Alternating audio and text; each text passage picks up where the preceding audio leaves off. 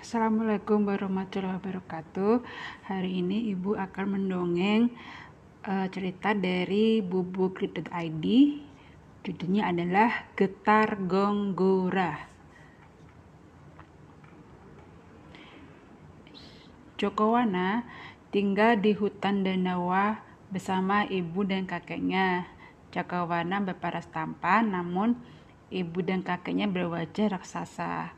Meskipun masih anak-anak, Jakawana sangat sakti. Ia bisa mengangkat batu atau batang pohon besar. Ia juga mengerti bahasa setiap hewan.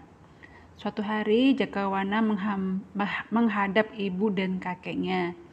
Ibu dan kakek, sudah lama saya mengamati seluruh hewan di hutan ini. Saya mendengar percakapan mereka.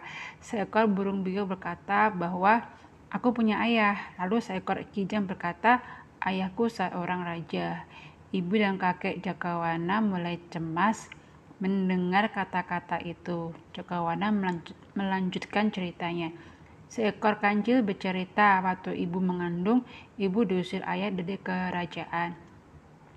Ayah merasa ditipu oleh ibu karena dengan pertolongan kakek, wajah ibu dijelmakan menjadi cantik seperti bidadari. Ayah tertarik pada kecantikan ibu lalu melamar ibu menjadi permaisuri. Pada malam bulan purnama, ayah mengetahui wajah ibu yang asli. Ayah marah lalu mengusir ibu. Kemudian, sudah, sudah, hentikan kata-katamu anakku. Ibu Jakawana tak kuat menahan sedihnya. Air matanya menetes membasahi pipinya. Cucuku Jakawana memang benar cerita hewan-hewan itu. Tapi lupakan saja semuanya itu. Kau sudah cukup bahagia tinggal di sini bersama ibu dan kakekmu. Namun Jakawana ingin bertemu ayahnya, Raja Gora Gangsa. Maka pada suatu senja bulan purnama, diam-diam ia meninggalkan hutan. Ia ditemani Wre, sahabatnya seekor kera. Hampirlah Jakawana dan Wre di kerajaan Gora Gangsa. Saat itu, Raja Gora Gangsa sedang mengadakan sayembara. Raja mengadakan sayembara apa? Tanya Jagawana kepada seseorang yang turut berjubel di alun-alun menonton sayembara. Sayembara memukul gong gora tiga kali. Gong raksasa yang terletak di atas menara itu. Sejak zaman kakek raja belum pernah ada yang berhasil memukul gong itu sampai tiga kali. Pemukulnya saja sebesar batang pohon kelapa yang paling besar. Wow, besar banget ya sebesar batang kelapa. Hmm, kata penonton lainnya. yang berhasil akan di, dijadikan senapati kerajaan, kata orang lainnya. Mendengar itu, Jakawana menjadi tertarik. Ia mendaftarkan diri pada petugas kerajaan. Hampir saja ia tak diizinkan ikut. Sebab ia masih anak-anak beserta dewasa saja banyak yang gagal. Giliran Cakawana pun tiba, ia menganyunkan pemukul besar itu ke gong Gora. Gong itu pun berbunyi, bergetar satu kali, dua kali, tiga kali. Riuh tepuk tangan menyambut keberhasilan Cakawana. Oh, ini masih anak-anak saja sudah berhasil. Cakawana hebat. Hmm, hmm, hmm, hmm.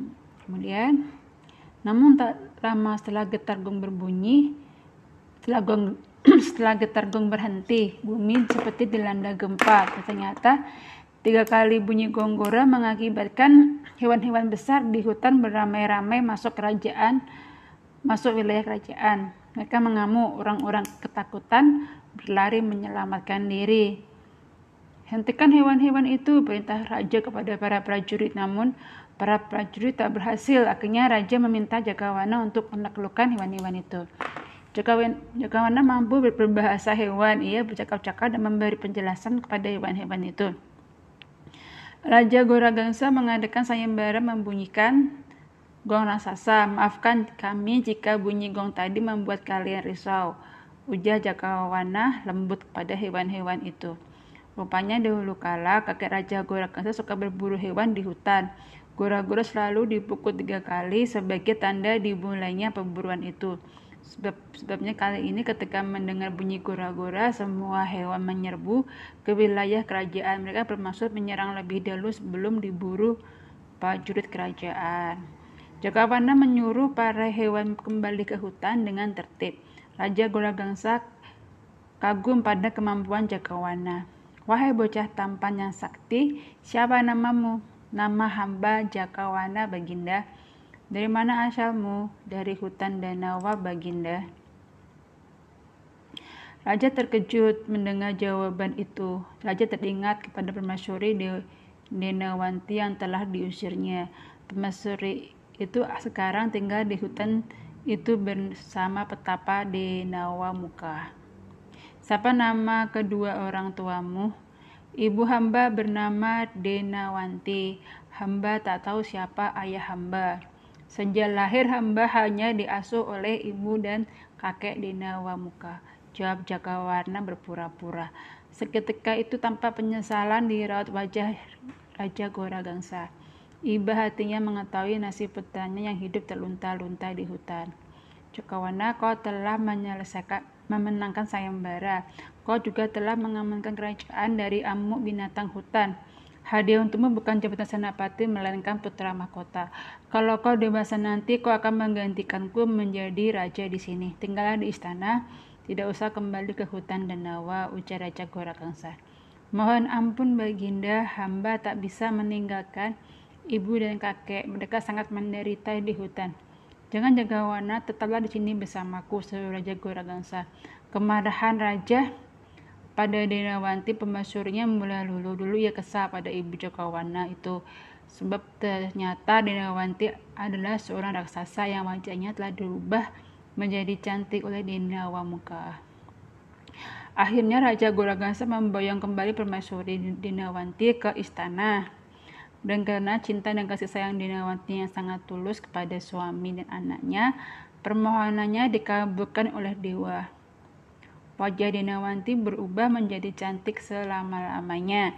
Cakawana hidup berbahagia dengan kedua orang tuanya di istana. Peri sahabatnya juga, sahabatnya juga selalu di sampingnya. Cerita oleh Ustaji oleh majalah Bubu. Terima kasih. Wassalamualaikum warahmatullahi wabarakatuh.